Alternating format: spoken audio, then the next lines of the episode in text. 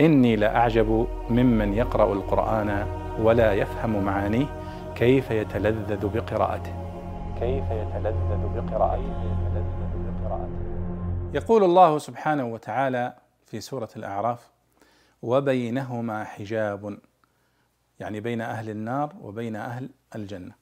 وبينهما حجاب وعلى الأعراف رجال يعرفون كلا بسيماهم. فما معنى الأعراف؟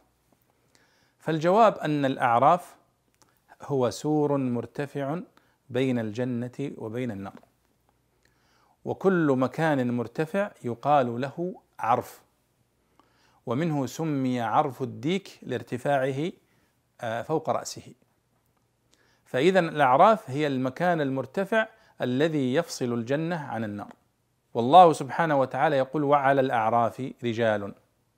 وللمفسرين كلام طويل في من هم أصحاب الأعراف. لكن سؤالنا هنا هو الأعراف نفسها. ما هي؟ نقول هي مكان مرتفع وسور مرتفع فاصل بين الجنة وبين النار.